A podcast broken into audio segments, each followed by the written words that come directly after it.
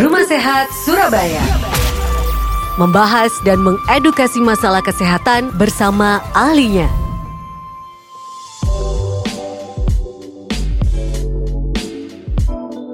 96 FM Merkuri, sahabat dan selamat siang sahabat seperti biasa di hari Rabu pukul 11 waktunya Rumah Sehat Surabaya hadir menemani Anda untuk bisa memberikan kita edukasi dan informasi seputar kesehatan sahabat. Karena ini yang kita butuhkan sahabat. Jangan sampai kita menerima informasi itu yang bukan dari ahlinya ya. Dan di Rumah Sehat ini Anda juga bisa bergabung bertanya dengan narasumber di sini sahabat. Mungkin Anda memiliki permasalahan yang uh, sesuai dengan tema yang kita bahas Anda bisa bergabung di line telepon di 562 0096 ataupun juga di WhatsApp call dan juga WhatsApp Messengers di 08173096 sahabat. Anda juga bisa stay tune melalui streamingnya Mercury di www.mercuryfm.id atau melalui aplikasi On Air yang sudah bisa Anda download baik itu di Play Store maupun juga di App Store. Tema kita hari ini mungkin relate dengan beberapa orang atau banyak orang kali ya, sahabat. Jadi uh, nanti kita akan bahas bersama dengan narasumber. Tapi saya akan menyapa terlebih dahulu uh, partner in crime saya dalam bersiaran. kita nggak in crime. partner in news. news, oke. Okay. Kita selalu uh, hadir, insya ya. Allah, ya. alhamdulillah uh, dan tentu saja membawa juga narasumber yang uh, insya Allah juga memberikan banyak masukan ya, mm -hmm. Apalagi yang uh, sifatnya edukasi kesehatan karena iya. kadang-kadang yeah. kita itu hanya sekedar baca, kita sekedar katanya katanya hmm. gitu terus uh, kita nggak tahu pastinya seperti apa makanya untuk acara ini kita bekerja sama dengan Ikatan Dokter Indonesia cabang Surabaya di mana uh, dokter-dokter dari ID akan tampil satu persatu setiap pekannya untuk membahas atau juga membedah tema-tema kesehatan yang teraktual baik itu berkaitan dengan COVID ataupun tidak hmm. yang kira-kira memang sangat dibutuhkan informasi untuk masyarakat ya, nah, sangat relate dengan masyarakat dan ya. ini sudah puluhan mungkin ya dokter ya. mungkin hampir ratusan uh, sudah setahun. sudah setahun. Karena dikalikan aja. ada yang dua, ada yang tiga, Betul. ada yang tunggal, oh, tunggal. Baik, terima kasih. Selamat datang kembali Dr. Nur Kozin, SPKFR, spesialis kedokteran fisik rehabilitasi ya. Assalamualaikum dokter. Senang sekali. Selamat siang Mbak Yanti, selamat siang Mbak Ellen. Selamat siang dok. Ketemu lagi. Iya, alhamdulillah karena memang kayaknya minggu lalu ada yang belum tuntas. ya. ini ada ada dapat rezeki lagi hari ini kita ketemu lagi di sini. Iya. Iya, dan beliau ini memang uh, akhir-akhir ini cukup sibuk karena ternyata kalau kita sesuai dengan pekan lalu ya, hmm. setelah COVID, uh, seseorang terkena COVID ternyata ada rehabilitasinya hmm. karena beragam ya. beragam keluhan mungkin mungkin terjadi setelah atau pasca COVID itu. Nah sekarang ini kita lebih spesifik lagi kalau sama spesialis fisik rehabilitasi ini biasanya kan yang berkaitan dengan yang namanya nyeri-nyeri nah, gitu. Nyeri-nyeri ya. Iya, dan mungkin istilah-istilah udah kita sering dengar hmm. yang uh, eh, LBP, low back pain lah, nyeri punggung bawah, apa gitu. Nah, hmm. uh, kita akan bedah siang hari ini sampai dengan nanti jam 12. Boleh bergabung juga ya untuk ya. pendengar sini di line telepon di Udah ada WhatsApp phone ya sekarang ya. Betul di WhatsApp call juga bisa sahabat ataupun juga di WhatsApp Messenger di 08173096. Hmm. Temanya adalah rehabilitasi medik pada nyeri nah, punggung. Itu temanya Ini. ya, rehabilitasi medik fokus kita pada nyeri punggung. Ini banyak yang work from home, banyak yang mungkin uh, sekarang lebih banyak duduk di rumah, nggak yeah. pergi-pergi gitu, mau tentengin apa tuh namanya, laptop, komputer. orang, orang tua yang harus menemani anak-anak anak-anaknya juga sekolah gitu ya, school from home. Nah ini pasti uh, mungkin ada dampaknya juga kali ya. Kalau bahasa Jawa nih, aduh boyok pure boyok apa apa ya. Oke, okay, uh, dok ini sebelum apa namanya kita membedah ke fokus ke nyeri punggung, dokter di rehabilitasi medik ini eh, kira-kira uh, apa aja gitu bidangnya dok? Apakah punggung aja atau apa? Uh, mungkin kita apa yang dilayani ya, rehabilitasi medik ya. ini dok? Ya, silakan dok. Ya, terima kasih Mbak Ellen, Mbak Yanti, uh, Sobat Merkuri. Uh, di bidang rehabilitasi medik atau spesialisnya adalah spesialis kedokteran fisik dan rehabilitasi, concern kita adalah pada gangguan fungsi, hmm. ya. Jadi ya uh, gangguan fungsi itu apa ya yang mengganggu fungsi kita sebagai manusia seutuhnya yang uh, dalam skop yang paling kecil ya kegiatan sehari-hari kita harus bisa mampu melakukan. Nah, skop yang paling kecil. Nah, kalau kegiatan sehari-hari kita ada yang terganggu, itu kita sudah mengalami ada gangguan fungsi dalam kehidupan kita sehari-hari dan itu tugas kita. Nah, ini tadi kok yang dibahas nyeri, nyeri itu hanya salah satu aja ya, salah satu karena nyeri itu adalah salah satu pengganggu dari kita beraktivitas normal atau kita menjadi nyeri menjadi salah satu penyebab gangguan fungsi. Jadi misalkan kita mau sholat terus punggung kita sakit ya mesti kan sholat kita terganggu. Nah, itu iya. yang terjadinya gangguan gangguan fungsi. Uh, jadi ini hanya satu dari dari dari uh, garapan yang kita kerjakan. Nah kalau kita ngomong nyeri punggung berarti kan ini kaitannya sama muskuloskeletal atau apa ya organ penegak kita ya. ya. Tapi selain itu di bidang rehabilitasi ada juga bagian-bagian yang lain, ada kaitannya sama saraf, ada kaitannya sama kardiopulmonal yang kemarin kita banyak membahas hmm. tentang COVID ya, yeah. rehabilitasi pas COVID. Hmm, ada juga geriatri juga, hmm. ada uh, anak-anak juga, anak-anak dengan gangguan uh, perkembangan, gangguan kemampuan dan sebagainya, kemampuan bicara, kemampuan bergerak motor dan sebagainya. Hmm. Itu juga dan ada juga terkait sport juga. Hmm. Jadi itu yang ada beberapa bidang yang yang dilakukan oleh bidang rehabilitasi medik. Nah, itu tadi ya. Banyak sekali ya. Sangat luas dan berkaitan dengan fungsi otot, ya. fungsi. Tapi kalau tulang beda ya, Dok ya. Tulang ke ortopedi ya. Uh, Ya, kaitannya kalau sudah ada gangguan fungsi juga kita kerjakan juga. Oh, Jadi, gitu. ya tapi ada ada batasan-batasan, ada batasan-batasan. Maksudnya bidang spesialisasi itu kan ada batasan-batasan. -hmm. Ini spesialisasi sana, ini spesialisasi -hmm. sini. Jadi tapi pada pada intinya adalah tadi itu.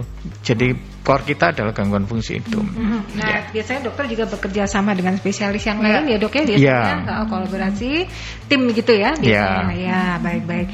Nah, sekarang kita masuk ya ke uh, nyeri punggung ini. Kira-kira keluhannya itu nyeri punggung itu punggung yang bagian mana yang kita bahas ini? Apakah samping, belakang, atas, bawah ini? Apakah semuanya mencakup nyeri yang dimaksud atau yang mana lagi dok? Ya, kalau saya ngomong nyeri punggung itu berarti kan keseluruhan ya, keseluruhan ya? atas, bawah. Jadi kalau kalau yang orang yang paling paling sering disebut orang itu kan low back pain atau nyeri punggung bawah. Ya, itu sering saya juga. Ya, ya kita bagi aja punggung itu.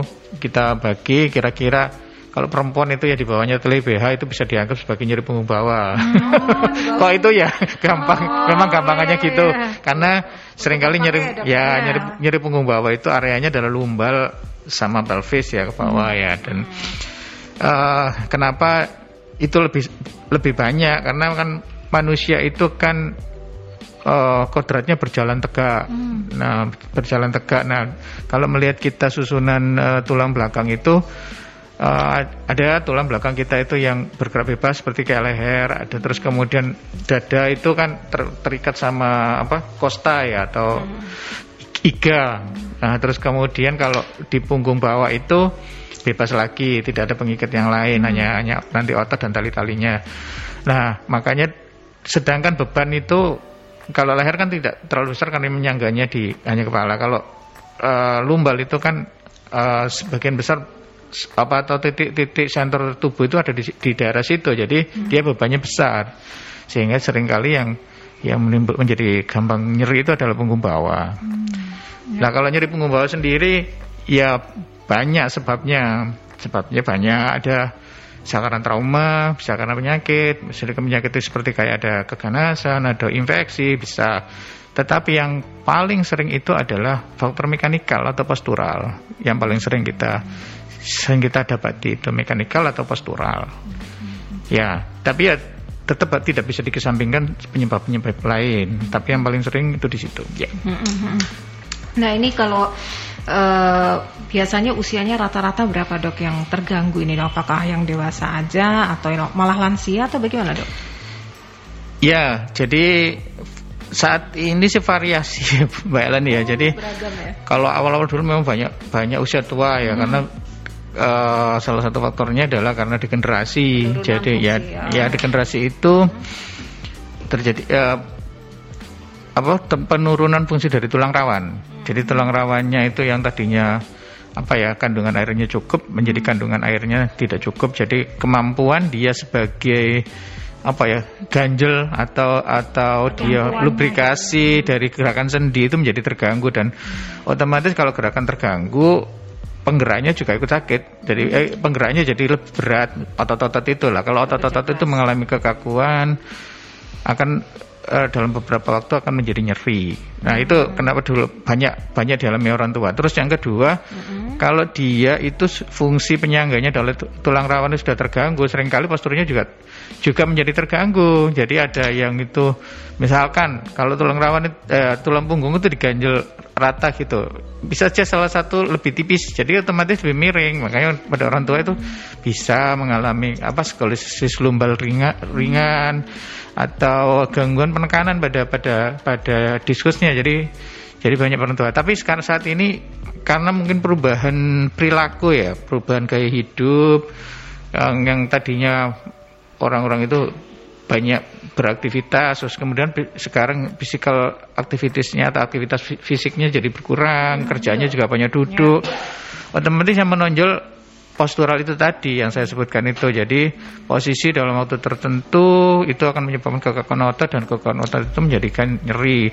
Terus kemudian gangguan postur, otomatis kan pembebanan pada pada bagian belakang punggung itu kan menjadi berubah dan itu bisa menjadi salah satu sebab nyeri punggung. Hmm, nah, ada bergerak, pergerakan yang tidak imbang gitu ya? Ya, jadi pembebanan yang nggak berimbang. Ya. ya. ya, ya. Ini uh, usia berapa sih dok yang harus mulai waspada dengan gangguan nyeri punggung atau kondisi seperti apa nih yang sudah harus? Oh, Misalnya ini kalau anak muda nih, nih gitu, lagi ya. sekolah gitu ya. ya, kan mesti fokus ke layar nih bisa berjam-jam dengerin gurunya ngobrol. Hmm. Itu juga apakah bisa rentan anak-anak ini dok?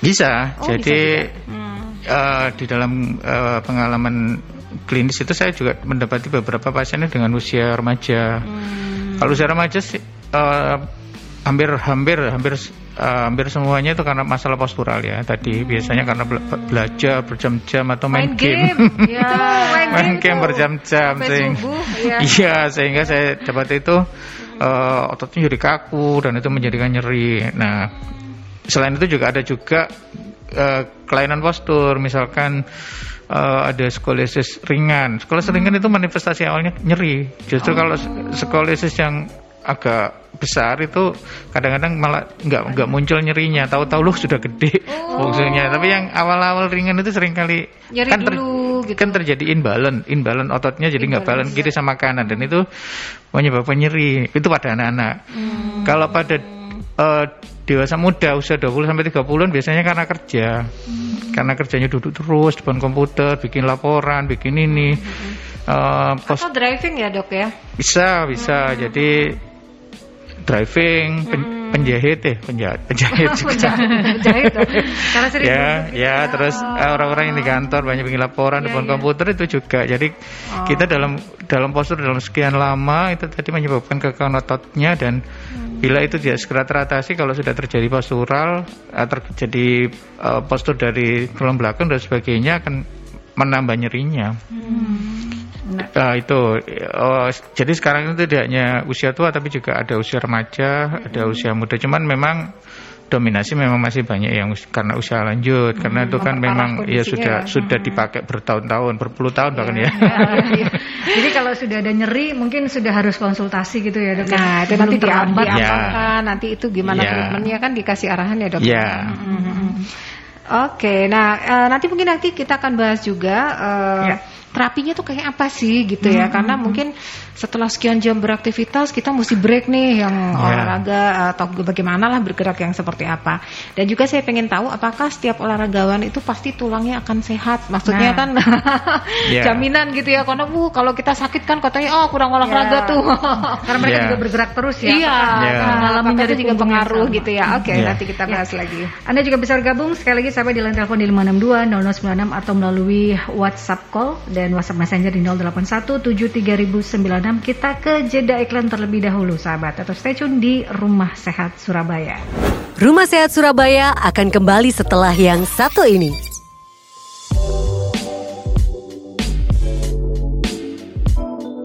Sembilan FM Merkuri, sahabat dan kita kembali di Rumah Sehat Surabaya, sahabat ya, dengan tema rehabilitasi medik pada nyeri punggung.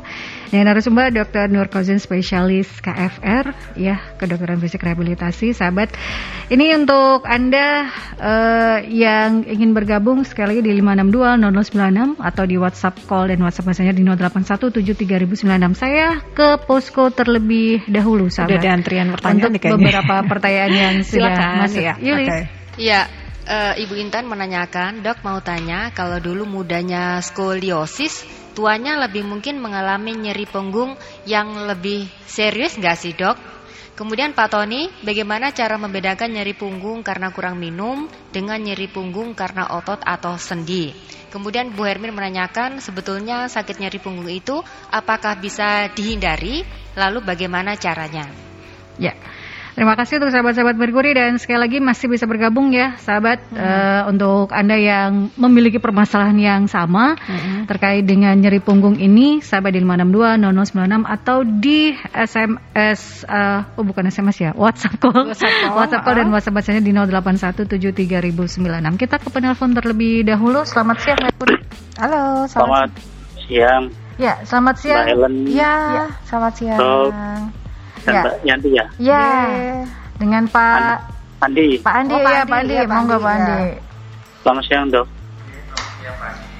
Saya itu mempunyai keluhan memang di punggung barangkali bonusnya juga ada pinggangnya dikit ya. Yeah. Itu awal mulanya memang karena jujur uh, bulan Agustus tahun kemarin itu saya kena asam lambung yang memang benar-benar parah ya. Hmm. Jadi ya bahasa bahasa ekstrimnya ya kurang kurang sedikit aja udah mau berangkat itu itu kami yeah. ya alhamdulillah dengan perjalanan waktu uh, ya ini versi saya sih sembuh hmm. gitu kan nggak ada nggak ada keluhan di lambung dan sebagainya cuman yang jadi masalah punggung saya sampai sekarang hmm. itu nyeri banget jadi nyerinya itu apa ya ke, saya menggambar ekstrim sampai kayak gigit gitu loh hmm. jadi punggung jadi kalau orang biasanya kalau tidur itu pengennya fresh saya kalau tidur malah ketakutan. Kenapa? Justru kalau saya tidur berbaring, itu malah bangunnya setengah mati. Gitu. Hmm. Daerah mana Pak nyerinya itu di punggungnya? Punggung, punggung ini lah, punggung di uh, tengah bagian kiri ya, tengah bagian kiri. Jadi bawahnya apa nih unjuk kalian endong-endong ya. Hmm. Nah itu loh yang de- ah, di situ, yeah. itu setengah mati sakitnya. Tapi kalau di duduk itu tidak masalah. Jadi kalau saya makanya saya sekarang lebih banyak tidur tuh sambil duduk gitu loh. Hmm. Ya. Nah, apakah ada kaitannya dengan profesi saya? Saya main saksofon ya, hmm. jadi kan kalau gendong saksofon kan kurang lebih kalau tenor itu kan 8 kilo itu. Dan itu berapa jam biasanya di panggung? Kalau yang untuk event-event aja, yang event wedding mungkin 3 jam ya, berdiri ya, hmm. 3 jam. Tapi kalau yang sekarang ini yang benar-benar pure main yang itu sampai kurang lebih 7 sampai 8 jam itu. Wow. Kan breaknya cuman 15 menit, 20 menit. Hmm, nyambung lagi gitu ya. Nyambung lagi. Nah, saya tidak tahu ini kaitannya dengan asam lambung saya apa karena profesi yang seperti itu. Nah, ini bagaimana? Cuman hmm. saya pernah tanya sih katanya pang ini apa pangkonnya, pangkonnya pungkulang itu kan sudah apa namanya perlu dikasih minyak atau apa nggak tahu lah ya. yang seperti itu saya nggak tahu hmm. nah, ini bagaimana dan saya harus ke mana sebetulnya sih usia berapa apa? pak saya sekarang udah jalan 40 40 tahun hmm. baik ya, ya dulu sementara itu dulu kalau ya tambahannya tadi itu bonusnya tuh pinggang itu yang kadang hmm. ya pinggang di terutama di tulang pang pinggul ya hmm. wah setengah mati gitu kalau sakit ya. aja matur nuwun salam semuanya salam sehat Salam ya. terima kasih Pak Andi. Pak Andi. Nah, Katanya ini, bonus sakit bukan bonus. Kalau bonus tuh menyenangkan. Ya. Orang yang pandai bersyukur itu. Ya. oh iya iya iya iya. Ya. tipikal tipikal orang Indonesia. Ya, ya, ya masih bersyukur. bersyukur. Ya mudah-mudahan cepat hilang. Ada bonus katanya. Iya, yang mana dulu dok yang mau dijawab dok? Silakan. Ya. Nah, ada empat ini ya pertanyaannya. Ya, saya jawab satu persatu ya. ya. Yeah. Yang pertama mudahnya skoliosis. Nanti tuanya jadi nyeri nyerinya bertambah apa enggak? Jadi kalau skoliosis itu terjadinya kalau muda ya itu sebelum dia usia sekitar 17-18 jadi skoliosis muda itu terjadi pada usia-usia sebelum satu satu tahun sebelum menstruasi dan eh, tiga empat tahun sesudah menstruasi karena itu kan puncak pertumbuhan seorang wanita. Nah itu pada prinsipnya seperti kayak taman tanaman kalau tumbuhnya itu tidak di arahkan yang benar maka dia tumbuhnya akan berbelok-belok. Jadi hmm. orang bikin bonsai kan gitu ya, hmm. dibelok-belokkan. Jadi se, se, se, uh, kalau sudah terjadi belokan dan tidak kita lurus, tidak kita arahkan, maka dia akan belok. Tumbuhnya pun juga belok. Nah, dia akan berhenti setelah usia matur, usia sekitar 18. Nah, setelah 18 itu sudah nggak nambah lagi skoliosisnya, cuman nyeri apa tidak itu tergantung balance skolisisnya. Kalau skolisisnya itu bentuknya S, jadi artinya kanan kirinya sama, itu sering kali uh, tidak tidak banyak menimbulkan nyeri. Ya tetap ada sih, tapi tidak banyak menimbulkan nyeri karena kan dia balance antara kiri kanan bentuknya S gitu. Tapi kalau dia miring, itu um, sering menimbulkan nyeri karena kan tidak balance antara yang yang kiri sama kanan dia miring aja untuk bentuknya seperti huruf C gitu ya. Hmm. Terus yang paling menjadi masalah skoliosis itu adalah karena sering terjadi dia di punggung atas ya di daerah uh, torak ya istilahnya torak atau dada ya sehingga dia mengganggu pergerakan dari kosta atau iga sehingga yang sering terganggu itu gangguan nafas ya sering sesak dan sebagainya nyeri juga ada. Makanya uh, latihan-latihan di, sangat diperlukan yaitu tadi untuk kan skoliosis sudah terjadi untuk menjaga kelenturan atau uh, otot-otot yang terjadi di daerah situ, terutama otot-otot yang yang mengalami penarian lebih panjang, yang kemiringan itu, yang lebih miring kan uh, lebih mengalami penarian lebih panjang, dan itu yang yang menimbulkan nyeri. Ya bisa aja, tapi kalau ibu bisa menjaga posturnya atau sering melatih kelenturan dari otot-ototnya, ya nyerinya bisa bisa bisa kita kurangi. Hmm. Terus membedakan nyeri punggung karena kurang minum atau karena gangguan otot. Ya, kalau kurang minum itu yang problemnya kan anu ya organ ya, terutama organ ginjal ya. Jadi keluhan organ ginjal ya ya ya salah satunya adalah ya nyeri punggung, Pak. Cuman areanya area dekat ginjal ya. Hmm. Kalau nyeri otot itu tergantung penyebabnya. Jadi tadi kalau kalau postural ya nanti aktivitas aktivitas yang menyebabkan nyeri itu apa? Misalnya banyak duduk ya sering kali dia uh, otot-ototnya itu kaku kelihat kelihatan kaku mulai dari punggung atas sampai punggung bawah sampai bahkan di paha belakang juga bisa kelihatan kalau dari otot ya. Terus nyeri punggung itu apa bisa dihindari? Kalau nyeri punggung tadi ada beberapa macam seperti yang saya sebutkan tadi, ada yang mungkin karena penyakit ya, karena tumor, infeksi atau karena trauma ya ya memang tidak bisa dihindari. Tapi kalau nyeri punggung itu penyebabnya adalah mekanikal atau postural itu bisa kita hindari. Jadi ya bagaimana ya kita mencoba memperlakukan tubuh kita secara postur yang baik. Misalnya jalan tidak membungkuk atau tidak memaksakan dengan duduk lama itu juga salah satu upaya atau melatih melatih kelenturan otot-otot kita itu juga salah satu upaya untuk menghindari nyeri. Hmm. Terus kemudian kalau degenerasi ya, degenerasi salah satunya adalah untuk menguranginya atau eh, menurunkan degenerasi salah satunya adalah senantiasa kita melakukan aktivitas fisik atau olahraga yang teratur. Hmm. Nah, itu di, dikatakan dia uh, menurunkan kematian sel sehingga dia akan bisa menghambat terjadinya degenerasi. Itu langkah-langkah untuk menghindari. Tapi kalau penyebabnya trauma, infeksi atau karena uh, keganasan ya ya tidak bisa. Hmm, ya. Oke, yang untuk khusus yang Pak Andi, Andi. yang Pak Andi bersyukur tadi ya. Jadi usia 40 tahun uh, untuk saat ini sih ada beberapa yang sudah meng memang mengalami degenerasi Pak, apalagi dengan aktivitas Bapak yang katanya menggendong saksofon yang besar itu. Tapi saya nggak yakin juga karena kan masih 40 tahun ya.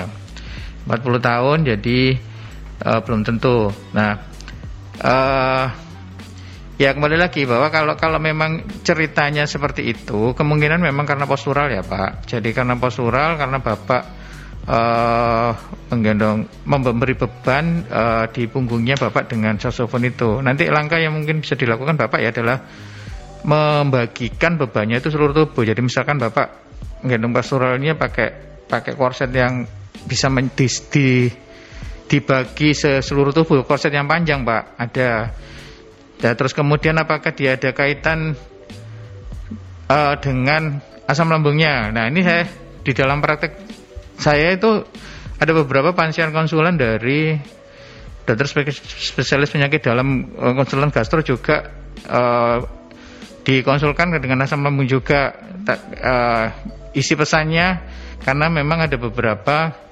kesamaan persarafan area visceral situs dengan area-area punggung. Jadi ketika ketika area area persarafannya sama juga bisa memberi memberi uh, apa manifestasi nyeri yang yang sama. Nah, ini juga perlu pemeriksaan juga ya Pak. Nanti kita lihat areanya apa sama, terus kemudian. Tapi kalau melihat tadi saya tanyakan toh areanya di mana di bawah apa punggung yang bagian atas ya kemungkinan kemungkinan ya area yang sama. Jadi perlu di, dilihat lebih lanjut. Nah bonusnya itu nyeri punggung bawah ya karena uh, tubuh itu punggung itu kan satu kesatuan Pak. Jadi ibarat seperti kayak uh, apa ya? uh, tugu gitu ya Pak ya. Jadi tiang pancangnya itu memang ada di pinggang. Jadi power gitu di tiang pancangnya memang ada di, di pinggang kita, pinggang kanan kiri. Jadi kalau ada problem di atas dalam waktu beberapa lama memang sering kali memberi bonus di bawah itu karena kan juga pangkonnya itu juga sering kali juga juga uh, kelebihan beban ya Pak ya. Kelebihan beban juga dia akan uh, menimbulkan masalah. Hmm. Ya mungkin sementara itu Pak. Nanti kalau detailnya ya nanti perlu di, diperiksa lebih lanjut ya Pak. Ya, ini uh, sebenarnya titipan pertanyaan ya dari temen nih dok yang yeah. setelah melahirkan uh, operasi waktu itu, setelah operasi kemudian mengalami nyeri punggung bagian belakang dok. Mm -hmm. uh, apakah itu nanti berhubungan dengan terlalu cepat osteoporosis atau tulangnya nanti mudah kropos atau bagaimana setelah uh, operasi itu? Ini titipan pertanyaannya sih dok. Apakah juga karena setelah operasi itu mulai nyeri punggung sampai dengan sekarang? Operasi melahirkan ya? Iya. Oh ya, jadi mungkin orang hamil ya, hmm. orang hamil itu terjadi perubahan postur yang sangat hebat. Ya, titik masa tubuhnya uh, berpindah drastis ke depan karena kan perutnya jadi lebih membesar sehingga titik masa tubuhnya itu pindah ke depan dan itu akan memberi beban yang yang sangat berlebihan. Ya. Tetapi itu kan tidak terjadi dalam waktu singkat terjadi dalam 9 bulan ya, ya. 9 bulan 10 hari. Sehingga perubahan-perubahan itu sering kali bisa terkompensasi, tapi ada yang tidak bisa mengkompensasi. Akibatnya, akibatnya dia akan e, merasa nyeri punggung di di tengah-tengah kehamilan. Ada yang terkompensasi terus sehingga dia tidak uh, tidak mengeluhkan nyeri punggung. Tetapi apakah itu dia benar-benar bebas nyeri punggung? Ya enggak juga. Nah, setelah setelah melahirkan atau kebetulan melahirkannya dengan operasi ya. ya, ya. Jadi kan perubahan perubahan posturnya itu kan tidak serta merta dia terkoreksi. Hmm. Jadi sudah kadung lordotik daripada lumbalnya sudah sudah berlebihan. Nah, ototnya tadi itu juga sudah sudah senang kaku dalam posisi seperti itu dan saya yakin kompensasinya pun juga mungkin sampai ke punggung atas, sampai ke kaki. Maksudnya mempertahankan postur yang perubahan postur sekian itu. Jadi itu kan tidak serta merta langsung balik setelah dia operasi. Nah, jadi kemungkinan kemungkinan tidak terkait langsung sama operasinya. E, kalau kalau dikaitkan sama operasinya mungkin mungkin area persarafannya yang sama tadi visceralnya itu jadi bisa bisa juga tapi saya lebih cenderung ke perubahan posturnya itu Nah, perlu dilihat nanti ya. Jadi posturnya kalau sudah diperbaiki, dibetulkan, kekakuannya diatasi. Kalau nyerinya sudah oke, mungkin karena perubahan postur. Tapi kalau sudah diperbaiki semua masih ada, mungkin kita pertimbangkan area-area yang inervasi yang sama tadi. Hmm, ya. Nah, nah ini memperbaiki itu dok ya. yang kita pengen tahu tuh. Nah, kita sudah menyampaikan masalah-masalah ya. Kita pengen tahu sejauh mana sih memperbaikinya dan bisa berkurang berapa persen nih maksimalnya hmm. gitu dok untuk keluhan-keluhan ini dok? Ya, jadi eh, masing-masing uh, problem itu uh, ada. Jadi bisa dijelasin. Jadi problem itu kan nanti akan menjelaskan maksudnya tipikal tipikal nyeri terus tempat-tempat nyerinya itu mm-hmm. ini kita dalam bicara konteks nyeri karena penyebabnya postural atau mekanikal ya, yeah. ya.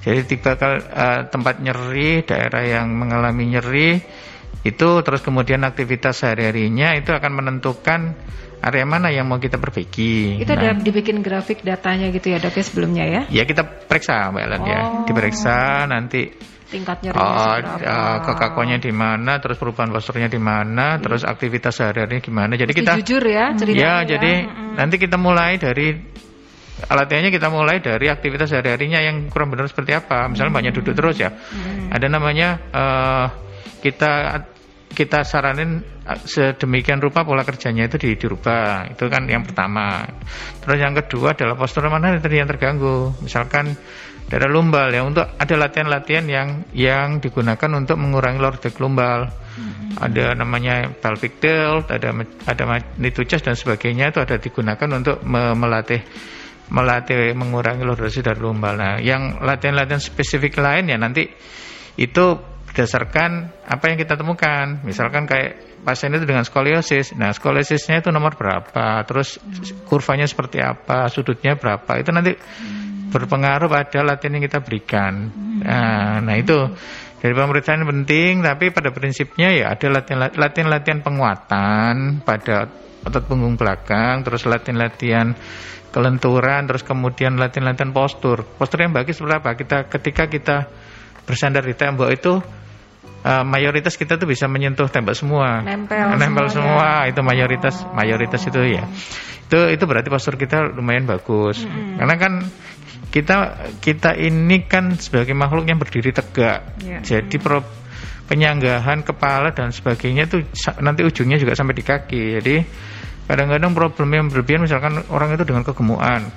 Itu penyanggahan di kakinya itu dengan kakinya agak melebar atau hmm. kakinya agak menekuk ke depan atau ada kakinya itu agak menunjuk ya karena kan dia penyanggaan dari beban yang dari atas itu lah misalkan dia akan terjadi perubahan kakinya agak melebar keluar bisa aja nanti dalam beberapa saat waktu lagi pergelangan kakinya atau lututnya jadi sakit ya, ya, ya. ya terus atau dia menekuk uh, pinggulnya agak ke belakang hmm. itu dalam beberapa waktu mendatang nanti pinggulnya akan nyeri banget jadi hmm. jadi bagaimana kompensasi dia dalam uh, mempertahankan posturnya itu kompensasinya apa ada yang kompensasinya cuman perut perutnya agak ke depan atau punggungnya agak ke belakang ya nanti nyerinya ada di situ di situ hmm. jadi kompensasinya bisa bisa dari leher punggung pinggul sampai kaki Bukan bonus ya dia. Bukan bonus karena kan memang kita berdiri tegak itu penyangganya dari atas sampai ke bawah. Iya, iya. Jadi tubuh mengadaptasi tapi itu ada hal yang keliru. Ada yang gitu ya, nolak ya. tapi dia nggak bisa teriak kan. Iya. Kalau ya,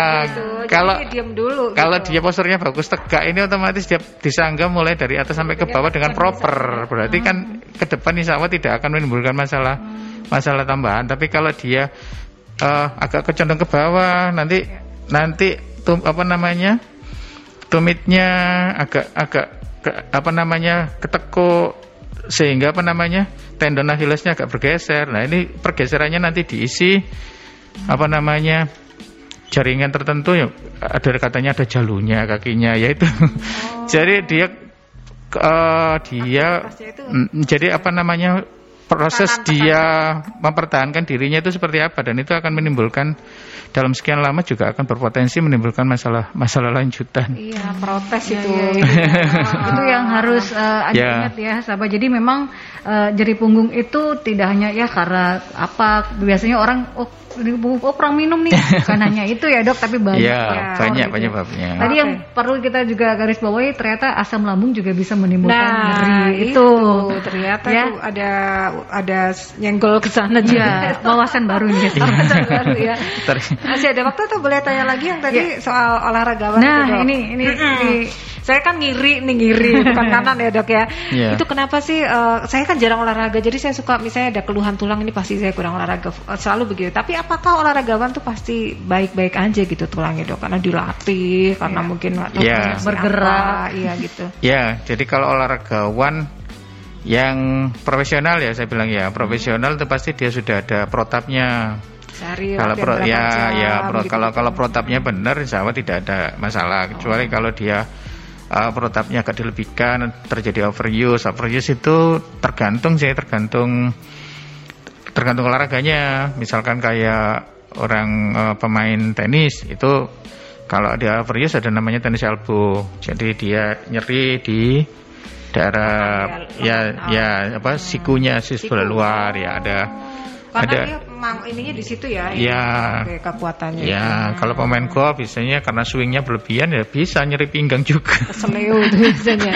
Iya, twitchnya berlebihan atau. Oh. Tapi kalau dia sudah profesional biasanya sudah ada protap ya, ada protap, ada pelatihnya juga dan itu ini. Nah, uh, secara keseluruhan dia bagus karena dia uh, bisa memaintain semua. Jadi otot yang untuk atau ada dua, ada yang untuk mempertahankan, ada yang untuk kecepatan. Hmm. Jadi yang bisa memaintain duanya, dua-duanya otot yang bisa mempertahankan atau endurance itu ada ada otot, otot yang untuk kecepatan itu bisa memaintain dengan bagus. Lah itu yang yang kita bisa latih untuk uh, tadi itu untuk untuk uh, mencegah timbulnya nyeri karena kan salah satunya nyeri itu kan karena kekakuan otot itu hmm. ketika dia sudah tidak mampu lagi uh, mempertahankan performanya dia akan kaku dan kaku akan menimbulkan nyeri. Nah, nyeri itu kan dia tak uh, kekakuan juga menimbulkan tahanan yang cukup besar dan tahanan besar itu uh, juga akan mengganggu post, menjadikan postur yang berubah. Nah, itu yang postur yang berubah itu yang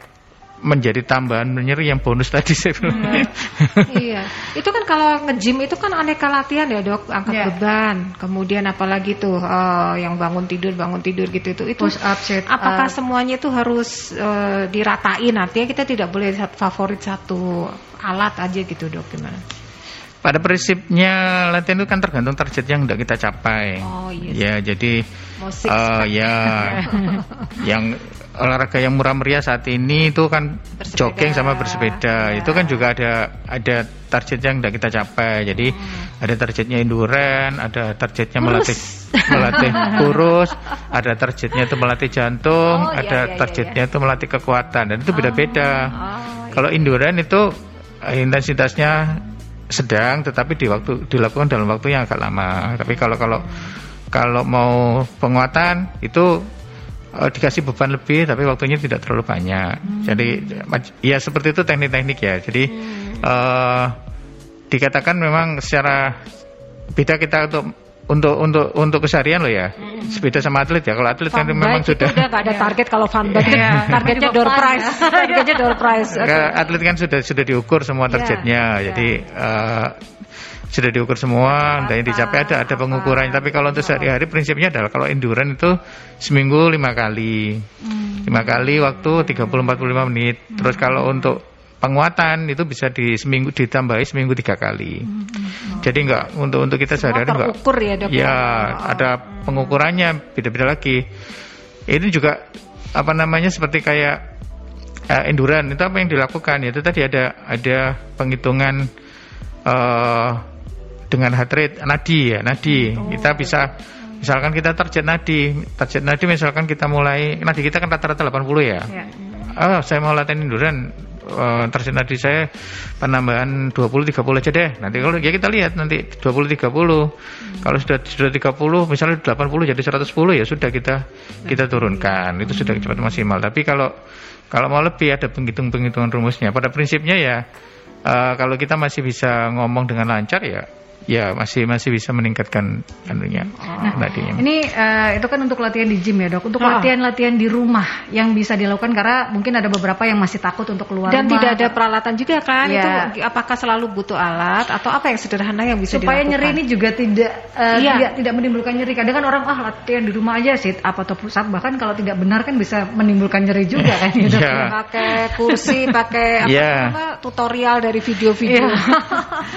ya, jadi pada prinsipnya ke, latihan itu bagus. Mm-hmm. Uh, cuman itu tadi kalau kebanyakan juga salah, kalau yeah. kurang juga salah. Aduh, itu tadi itu kebanyakan. Oh. Jadi pada prinsipnya kita itu kita mencoba latihan itu 10 kali. 10 kali itu kalau kita nyaman, itu kita mulai dari 40 persennya. Mm-hmm. Dari 40 persennya dulu kita naikkan, kita naikkan, kita naikkan sampai 100 persen. Nah, terus kita cari lagi 10 lagi, hmm. 10 lagi gerakan lagi, nyaman. Hmm pasti sudah naik tuh pasti sudah naik 10 kalinya nah itu nanti kita mulai lagi dari 40 40 persennya. Jadi tiap tiap minggu nanti kita ada naikkan. Jadi ada kenaikan, ada kenaikan, ada kenaikan. Kalau kenceng gitu ya. Dok, iya, bukan langsung kenceng nanti. Okay. Memaksa langsung digas gitu ya. Besok biar kurus ini langsung ngegas.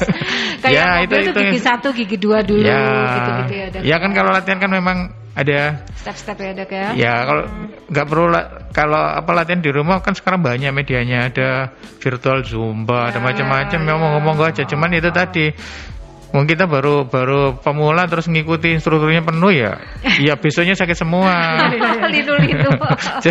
Iya jadi ada ada namanya penambahan uh, kita cari kemampuan maksimal kita dulu okay. berapa kita mulai dari 40 persennya Oke. Okay. 40 persennya nanti makin lama makin ditambah mm -hmm. ya. ya kita ke posko terlebih dahulu Yuli Iya Yanti ini ada yang menanyakan Pak Wawan uh, pekerjaan sehari-harinya itu uh, mewajibkan beliau itu duduk setelah duduk lama kemudian berdiri itu sering merasakan pung, e, merasakan sakit e, sakit punggung di tulang ekor.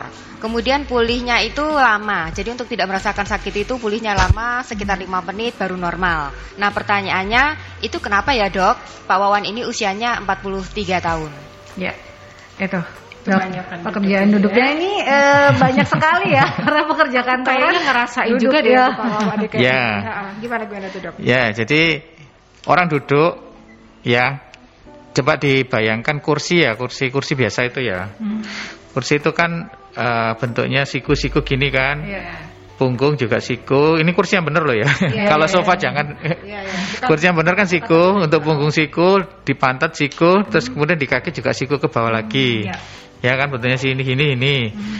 nah kalau kita duduk kan itu ngikuti kursi itu toh? Ya. nah ngikuti kursi itu pasti. Jadi kita pantatnya kita sama paha siku paha sama lutut, lutut sama sama sama betis kita juga siku. Dalam waktu beberapa waktu yang lama itu maka otot, otot punggung itu misalkan dia kesenangan satu meter gitu ya udah posisi PW ini satu meter gitu. Terus siku yang atas ya. Terus yang bawah paha belakang. Itu juga PW 60 cm ya udah PW dia. Dia akan mempertahankan di situ. Terus betis juga. Dia akan PW 45 cm gitu katakanlah ya. Nah, ketika dia berdiri, maka dia dituntut untuk menjadi yang menjadi satu meter menjadi satu 105. Hmm. Paha belakangnya tadi itu Eh, uh, 60 tadi dituntut menjadi 70 hmm. terus betisnya 45 di, di, dituntut menjadi 50 lah ketika dia sudah PW terus kemudian terus di, di disuruh disuruh memanjang begitu ya? dia akan nggak mau dan itu dia akan narik dan itu menjadi sakit oh. ya karena namanya pelvic lumbar hitam jadi antara punggung uh, sama tunggai bawah itu merupakan satu kesatuan gerakan namanya pelvic lumbar hitam nah itu ketika dia posisi PW terus kemudian dipaksa untuk memanjang nggak mau. Caranya apa? Dalam seperempat jam sekali itu posisinya dirubah supaya dia nggak nggak PW otot-ototnya itu terutama paha belakang sih kuncinya. Kalau itu kuncinya di paha belakang. Atau paha belakangnya itu sering dilatih stretching agar supaya dia uh, kemampuan uh, kemampuan memanjangnya itu tetap terjaga. Sebenarnya banyak. Misalkan kalau kita dulu tuh diajari nyium nyium lutut ya, tapi saya nggak mengajarkan itu karena bukan hanya paha belakang yang di ditarik tapi punggung juga. Jadi cukup kita mengarahkan kaki ke ujung jari dengan posisi kaki lurus. Otomatis kan yang ketarik hanya paha belakang.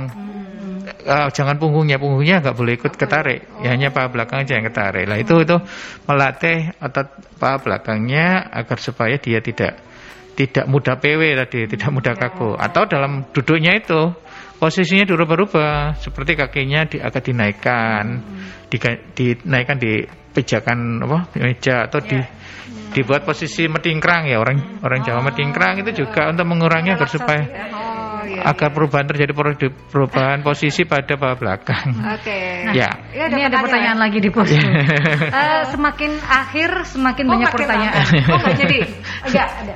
Ya, ini. Oke. Okay. Halo.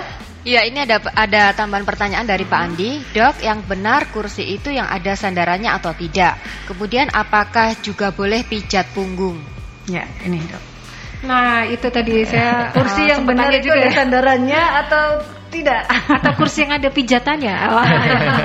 Gimana, Apakah dok? juga boleh pijat Kan ada tuku kursi ya, yang betul. itu kan untuk pemijat ya. dok? Ya, jadi kadang-kadang kita ketemu orang itu baik ngomongnya lamis tapi kemudian kita anu ujung-ujungnya nyakitin atau ah. Oh, utang iya, gitu iya. ya. Sama sama kayak kursi. Oh gitu ya. Kayak kursi. Oh, kursi gitu ya. Kayaknya awalnya enak ternyata Ini kita ingetin ya. Pokoknya yang terlalu nyaman itu ada efeknya. Jadi kalau kursi yang paling paling lamis, paling nyaman itu kan sofa. Ya, Tapi ya, itu ujung-ujungnya menyakitkan. Iya iya ya, betul. Jadi kursi. Gak boleh terlalu lama ya dok ya. Iya tahu tahu dok paham paham paham. Jadi kalau kursi yang bagus yang seperti saya gambarkan tadi, jadi kursi hmm. yang ada banyak dan posisi 90 90 itu. 90, itu 90. itu aja dalam beberapa waktu dia akan bisa menimbulkan nyeri. Ya. Hmm. Nah, itu kalau sofa itu paling nyaman tapi dia paling paling enggak enggak enggak enggak ini apa namanya enggak berteman sama punggung. Ya, makanya uh, sofa dikatakan kursi malas dok. Terus tadi apa lagi sama dia? Itu uh, apakah boleh pijat punggung? Oh, boleh sebetulnya kalau pijat itu prinsipnya adalah uh, merelaksasi sama melancarkan aliran darah sih oke okay ya. Hmm. Cuman ada beberapa kalau teknik-teknik tertentu yang kemudian memberi jejak atau memberi uh, memberi beban atau memar pada pada otot ya dihindari ya. ya karena hmm uh, terjadi memar itu akan memicu proses-proses yang lain dan itu makin nyeri. Tapi prinsipnya kalau pijatnya hanya untuk relaksasi, relaksasi. dan melancarkan aliran darah situ ya boleh-boleh aja, hmm. bagus. Nggak usah dikrek gitu ya dok ya? Iya, kalau nggak tahu nggak tahu tekniknya, ya. gak usah tapi ya, ya. Oh, oh. di mek kalau bisa kalau saya pijat itu Gak usah teman-teman tapi lama gitu. Oh. Tapi nggak ada yang mau yang pijat kayak gitu. mesin itu dok pakai kursi itu kursi pijat. Oh iya dok, ini kalau biasanya kok saya dengar-dengar itu kalau atlet-atlet itu pakai obat-obat gitu loh dok, steroid, kemudian penghilang-penghilang nyeri. Maaf, ini ada satu merek tit yang belakangnya hmm. pin itu obat-obat gosok itu sebenarnya membantu atau enggak sih dok itu? Ya, jadi tergantung, tergantung problemnya apa tadi, mm. Well, ya. Memang kalau memang dia problemnya inflamasi yang yang cukup berat ya, ya monggo dikasih steroid hmm, ya atas resep dokter tapi ya ya, ya. ya tapi uh, kalau penyebabnya bukan bukan karena inflamasi yang berat terus karena pasur raja ya ya dengan dilatih itunya terus kemudian dengan dengan obat-obat anti nyeri biasa juga serasanya sudah cukup jadi hmm. uh, penang mengatas eh penata nyeri itu ada tahapannya memang tahapan yang pertama memang ya istirahat atau kompres hangat, kompres dingin gitu ya. Hmm, Terus kemudian minum ya, obat. Ya. Obat pun juga ada tahapannya. Hmm. Obat uh, anti nyeri biasa sampai steroid atau sampai sampai golongan nah, apa namanya narkotik ya ada. Terus hmm. kemudian kalau di bidang kita juga ada ada tambahan dengan terapi modalitas macam-macam sih modalitas kita ada panas ada cuma di tapping aja hmm. ya kok bisa menghilangkan nyeri ya? Karena kan kita tahu mana mana otot-otot yang harus dikuatin, mana harus otot-otot yang harus dilatih. Jadi tappingnya itu dengan teknik tertentu aja kita juga bisa mengurangi nyerinya. Terus kemudian uh, pakai modalitas ya tadi ya. Terus kemudian kita kita ajarkan latihan agar agar supaya uh, otot yang kaku tadi bisa, bisa lebih rileks dan bisa mempertahankan ke depan. Kalau yang baru-baru ini ada namanya pen intervensi. Jadi uh, di dicari sebab nyerinya, dicari uh, ya sumber nyerinya dan itu nanti diintervensi. Intervensinya macam-macam. Ada intervensi di blok, ada dikasih antiinflamasi, kasih steroid, ada misalkan ada kayak ANP itu ada penonjolan penonjolan itu diperlakukan sekian sedemikian rupa sehingga penonjolannya itu bisa lebih berkurang ya dengan dengan uh, teknik intervention pen itu bisa dengan guiding WSG atau dengan siam ini yang, yang baru ya jadi penata laksana nyeri itu uh, ada tahapan-tahapannya. Okay. Posisi okay. tidur yang bagus tuh sebenarnya gimana sih dokter lentang, miring, melungker, tengkurap atau harus ya, diganti? Tergantung targetnya. Oh ya, ah. ya, ya, ya. Yang baru-baru ini kan uh, yang dikembangin untuk memperbaiki nafas kan prone ya saat ini. Oh. Dan itu memang terbukti dia bagus untuk memperbaiki uh, anu ya nafas ya. Nah, nah kalau problemnya dia apa namanya problemnya dia tulang belakang ya tulang belakang ya pada prinsipnya itu posisinya nyaman aja nggak apa-apa hmm. mau ke kiri mau ke kanan tapi kalau dia ada misalkan gangguan uh, skoliosis misalnya sisi sisi mana? Skoliosisnya menonjol sisi atas kanan ya. Kanan ya yang kanan di bawah. Kayak perahu gitu jadi yang yang yang lengkung yang di bawah. Hmm, ya itu. Jadi posisi yang mana? Ya tergantung tergantung nyerinya itu tergantung targetnya kita kita harapkan tadi yang bagus tuh kasur yang empuk atau yang kas, kasar? Maksudnya apa tuh namanya? Yang keras itu tuh gimana sih dok yang untuk orang sakit yang sedang-sedang saja. Oh ya kayak lagu dok. Jadi terlalu empuk nggak boleh terlalu keras juga nggak boleh. Ya. di lantai gitu nggak boleh ya dok ya? Sa kalau kalau saya sakit semua ya tidur di lantai. Ya tapi katanya ada yang suka karena mungkin uh, apa ya namanya itu lebih meluruskan meluruskan gitu-gitu kali dok ya. Yang penting itu asal tidak tidak berubah. Jadi tempat tidur itu asal tidak berubah. Jadi kayak sofa itu kan kayak sofa atau kasur yang empuk hmm. itu kan sering kali merubah postur. Oh. Jadi misalnya menyesuaikan jadi melunak gitu ya. Ya, oh. jadi misalkan tadi uh, misalkan punggung atasnya sudah ada kifotik atau lengkungan ke belakang ya. Kalau tidur di empuk itu malah makin ke belakang, hmm. itu juga makin makin oh. nyeri. Kalau saya sedang-sedang aja apa, apa ya, suri tempat tidur yang yang put tapi kita bisa kita gitu ya? tertopang ya hmm. tidak tidak menyebabkan pertambahan kurvanya itu oh, uh, okay. itu jadi dan tidak tidak harus mahal hmm. kalau hmm. kalau tidak harus mahal kan merek-merek yang terkenal itu yang yang, yang, nah, dulu ada. tuh lo pakai kapuk dok itu kan iya. kan orang tua tua dulu itu sudah cukup bagus ya tapi di lantai memang tidak disarankan ya dok ya karena memang ada orang yang suka itu kayak saudara saya ada yang di situ Sak, sakit bu sakit semua nanti oh lebih kan, nyeri ya iya kita ya. kan kita itu nggak sama ya. Jadi ada orang itu yang penonjolan-penonjolan tulangnya itu banyak manifest, hmm. ada yang uh, bentuk sakrumnya itu juga menonjol. Jadi nyeri semua kalau dia penonjol-penonjolan banyak. Hmm. Kecuali kalau orang itu memang uh, penonjolannya nggak banyak, misalkan ya ya baik-baik aja kalau tidur di lantai, tapi kan nggak semua orang seperti itu. Hmm, ada yang tidak ya. tahan ya. Iya, nyeri. Ya. Jadi lebih baik emang di alas, tapi ya. alasnya tadi yang sedang-sedang ya. ya. Okay. Terus yang perlu diingat juga jangan buru-buru kalau bangun tidur katanya ya dok ya. Langsung mak wes gitu lari gitu, gitu ya. Oh, ya. Oh, Itu kaget punggungnya. jadi mesti uh, step by step pelan-pelan. Loh, kita tuh sama yang maha kuasa itu diajari apa ada insting alamiah ya Bu ya? Hmm. Apa insting alamiah kita itu stretching. Oh. Mulet. Iya. stretching. Jadi kita itu diajari insting alamiah kita punya namanya stretching. Nah, stretching kita yang yang paling sering dilakukan orang adalah mulet itu. Mulet hmm. itu kan harus stretching ya, dalam ya, bentuk ya. stretching. Jadi memang itu waktu dulu yeah. penyesuaian apalagi orang-orang uh, usia ini ya lansia itu yeah. kan perlu perlahan-lahan memang hmm, ya. Hmm, hmm. Jadi kalau ada belting tong, ada telepon tenang aja, nggak usah kabur. Stretching dulu. Mulet-mulet dulu. Yeah. nah, baik, ini baik. ini terakhir yang yeah. penting mungkin uh, bisa diberikan tips ataupun juga pesan berkaitan dengan rehabilitasi medik pada nyeri punggung ini dok hmm. untuk sahabat-sahabat Merkuri karena sudah tidak terasa waktu sudah ya. mungkin terakhir pesan jadi tips. tadi kalau misalnya nggak bisa di apa tadi dihindari hmm. uh, atau bisa dicegah lah gitu dok gimana atau juga yang sudah mengalami ini bagaimana saran-sarannya dok ya, ya.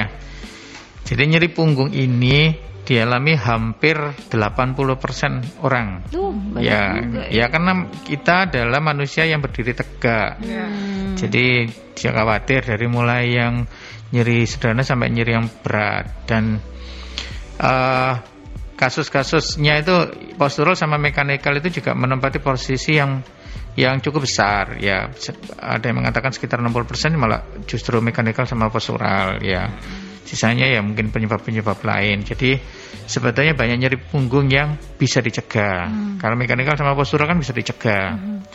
Ya itu tadi. Jadi uh, intinya jangan memaksakan apa kuat-kuatan kita gitu ya. Jadi ada beberapa tekniknya. Misalkan kita lakukan beberapa teknik seperti kata berdiri.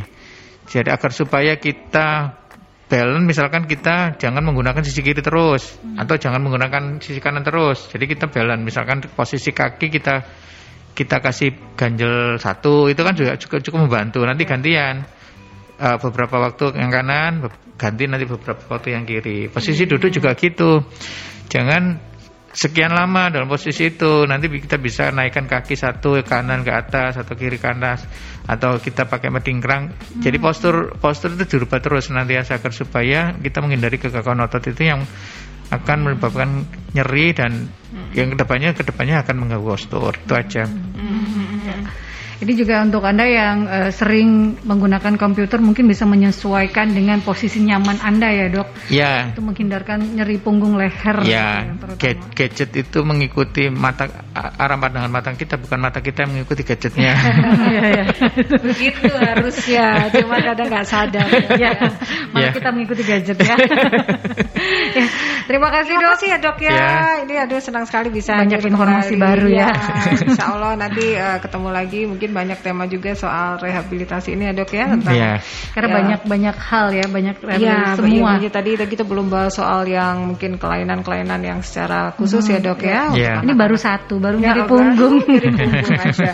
Baik mudah-mudahan bermanfaat. Ya. Juga Amin. terima kasih tidak bosan-bosan lagi datang ke sini ya. Amin. Ya. Amin. Dan ya. waktunya kita harus pamit sahabat di Rumah Sehat Surabaya di edisi 3 Maret 2021 dan Anda bisa kembali mendengarkan Rumah Sehat di edisi minggu depan sahabat karena Rumah Sehat Surabaya hadir setiap hari Rabu pukul 11 hingga 12 siang. Mm -hmm. Saya Lestari dan juga Ellen Pratiwi harus pamit sahabat terima kasih untuk ID cabang kota Surabaya mm -hmm. yang menghadirkan uh, narasumber kita untuk bisa memberikan kita edukasi mm -hmm. dan waktu kita harus pamit. Ya, Wassalamualaikum warahmatullahi wabarakatuh. Selamat siang, selamat beraktivitas, salam sehat selalu.